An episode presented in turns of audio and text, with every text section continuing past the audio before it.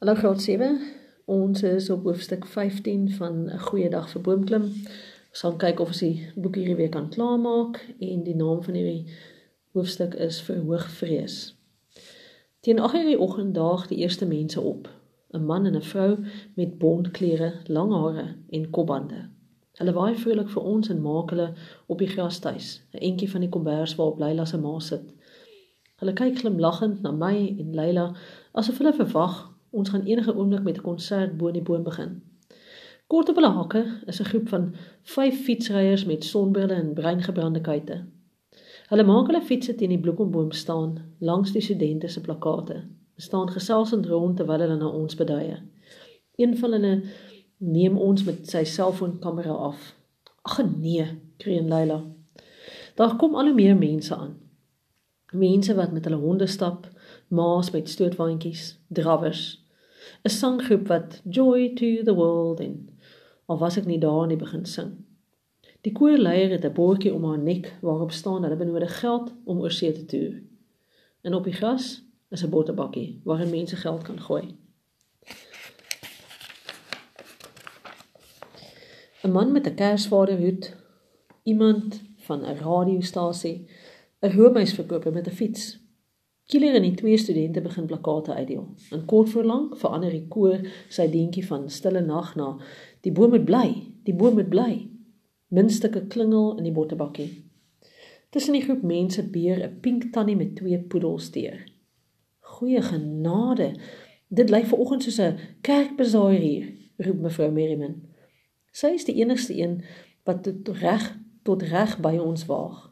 Die res van hulle bly daarom op 'n beleefde afstand staan. Môre julle groet sy, effens uit asem. Sy en George en Trixibel maak hulle langs Leila se ma op een van die komberse tuis. Sjoe, kyk net al die mense. Manus Leila, julle twee word nou beroemd. Sy haal 'n tapper bak uit haar sak en maak dit oop. Dit is vol muffins. Sy bied vir my en Leila en haar ma daarvan aan. Dit gaan baie goed met Millie en die kleintjies, sê sy. Dit lyk of Millie baie van haar nuwe naam hou. Julle moet tog ook vir die kleintjies uh, help name uitdink. Ek is seker na die artikel wat in vanoggend se koerant geplaas is gaan 'n hoop mense die DBV bel en aanbied om familie en haar kroos goeie huise te gee. Die skaar rondom die boom word al hoe groter. In teen 10:00 lyk dit asof daar 'n vloei mark in die park is. Toe Leila nie kyk nie, doen ek my bes om my hare met water uit my waterbottel nat te maak en te kam al het ek nie 'n spieël nie. Verbeel jou jy moet voor 107 mense op 'n verhoog verskyn sonder dat jy jou hare gekam het, op jou gesig was het of jou tande geborsel het. Mevrou Merriman het net nou die mense probeer tel en dis hoeveel sy gekry het. 107. Die boom begin al hoe meer soos 'n verhoog voel met ek en Leila wat die hoofrolle speel. Al het ons nie 'n benul wat om te sê of te doen nie. Dit lyk of Leila begin verhoog vrees kry. Sy by die hele tyd haar onderlip vas en staar stip na die tak voor haar. In skool kon sy sête het ek nog net altyd elke jaar 'n dansende kabouter of 'n herbergier gespeel. Maar nooit enigiets van die belangrike rolle nie. Dis die eerste keer dat ek voel hoe dit voel as mense se oë op jou is. En toe Junior het toe opdaag om weer foto's van my en Leila te neem, grin ek ek en swaai ook my vuis in die lug nes die betogende studente. Ek dink dit gaan goed lyk op 'n foto. Leila bly net so sit. En teen 11:00 se kant kom Donovan weer by die boom aan. By hom is 'n meisie. Ek het haar nog nooit gesien nie. Sy's verskriklik mooi. Sy het donker hare en haar bene is lank en bruin gebrand. Hulle sukkel tussen die mense deur tot by die boom. Ek sien hoe Donovan na my en Leila beduie. Die meisie glimlag en waai vir ons. "Is jy is hy regtig jou broer?" Roep sy vir my bo die gesing van die studente in die koor in beduie na Donovan. Ek knik. Die meisie grin ek verbaas en vat Donovan se hand. Ek is Melissa, roep sy. Ek waai vir haar. "Hi Melissa." Al die mense kyk vir my broer en die meisie. Donovan grin ek asof hy pas die lotto gewen het. Dit lyk of hy die res van die vakansie net een student vir seisoenlesse gaan hê. Ek moet badkamer toe gaan, sê ek vir Leila toe my broer en die meisie wegstap. Sy trek net haar skouers op asof sy wil sê, "So, Gaan. Lyk dit of ek jou probeer keer. Ek verfies my sommer. Vat my badkamer sakkie en begin afklim. Vir wat is Leila so vanoggend so soos 'n in so simpel by? En nou roep iemand bekommerd uit toe ek onder op die grond kom. Die studente in die koor hou op met sing. Ag nee, gee die ouetjie nou moed op, vra tannie met 'n checker sak in haar hand. Toe maar, hy moet net boom verlaat, roep nog iemand. 'n Gelag spoel deur die groep mense. Kyk, so daar het ons dalk personifikasie. Kan 'n gelag spoel? Reg, dink 'n bietjie oor daai een. My ore word warm. Ek stap so vinnig as moontlik weg in die rigting van die rolbalbaan. Daar's vroegoggend nog geen spelers op die baan nie. Ek glip by die hek in. Daar's geen teken van die caretaker nie. Die badkamer is koel en skemer. Ek sit die lig aan en trek die deur agter my toe. Die gesing by die boom word uitgedoof.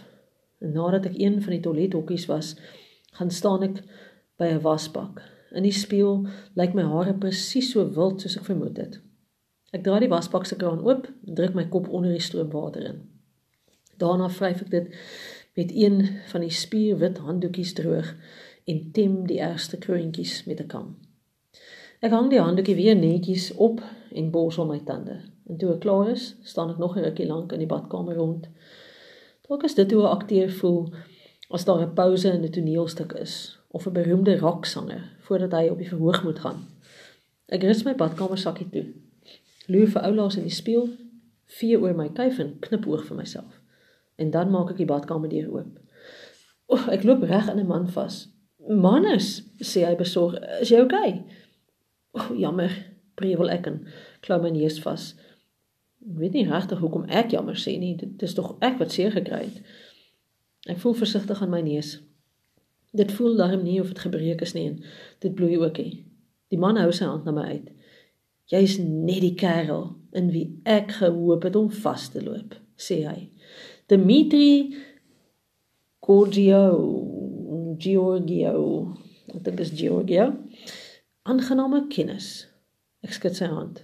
My oë dra nog steeds 'n bietjie van die hou op my neus. Die man wat my hand skud, het donker hare en 'n stoppelbaard. Nie die soort grillerige boemelaar stoppelbaard wat my pa kry as hy vakansie weier om te skeer nie. Hierdie ou het 'n stoppelbaard soos 'n mansmodel in 'n parfumadvertensie. Ek wonder of hy nie warm kry in sy pak klere nie. Maar dit lyk asof hy pas uit 'n ligverkoelde kantoor gestap het. Warm, né? vra hy. Asof hy gedagtes kan lees. Uh, hoe lyk dit met 'n koeldrank? Hy stop 'n kanariegeel blikkie in my hand. Ek kyk verbaas daarna. My ma het ons al duisende kere gewaarsku om nie geskenke van vreemdelinge te aanvaar nie. Uh, nee, dankie sê ek. Kom aan, sê hy met 'n breë glimlag. 'n Man word word tog sekerlik dors as hy heeldag aan 'n boom sit of hoe. Ek wil net sê ek dink wat jy doen en daardie meisie is fantasties. Groen kwessies is deesdae op almal se lippe. Maar min mense is regtig bereid om iets aan aardverwarming en besoedeling en die verdwyning van ons woude te doen. Dis hoekom ek julle graag wil borg. Ek frons. Dimitri Giorgio praat so vinnig dat my kop sommer draai. Borg, vra ek. Dis reg, ja. Hy beduie na die blikkie koeldrank in my hand. Wat jy daar in jou hand vashou, is nie sommer 'n gewone blikkie koeldrank nie. Kom ons begin by die blikkie. Dis van 100% herwinbare metaal gemaak. Minimum skade aan die omgewing. Maar wag tot jy dit oopmaak. Hy kyk afwagtend na my. Ek knak die blikkie koeldrank oop. Die man hou aan om my om na my te kyk. En daarom vat ek maar 'n versigtige ou slukkie van die koeldrank. Al weet ek my ma sal 'n oorval kry. Hoe smaak dit? vra die man. Voor ek kan besluit of dit ongeskik sal wees om vir hom te sê dit smaak so 'n bietjie flou, uh soos aanmaak koeldrank, antwoord die man sy eie vraag. Dit smaak soos die beste van boede natuur wat boede natuur het om te bied. Dis waar die naam vandaan kom. Nature's gift. Dis goed vir die natuur en goed vir jou. Geen preserveermiddels, geen kunsmatige geurmiddels of kleurmiddels en geen ekstra suiker. Ek vermoed al daardie goed wat hy pas opgenoem het, is wat gewone koeldrank lekker maak. Maar ek sê dit liewer nie. Ek het 'n voorstel, sê die man.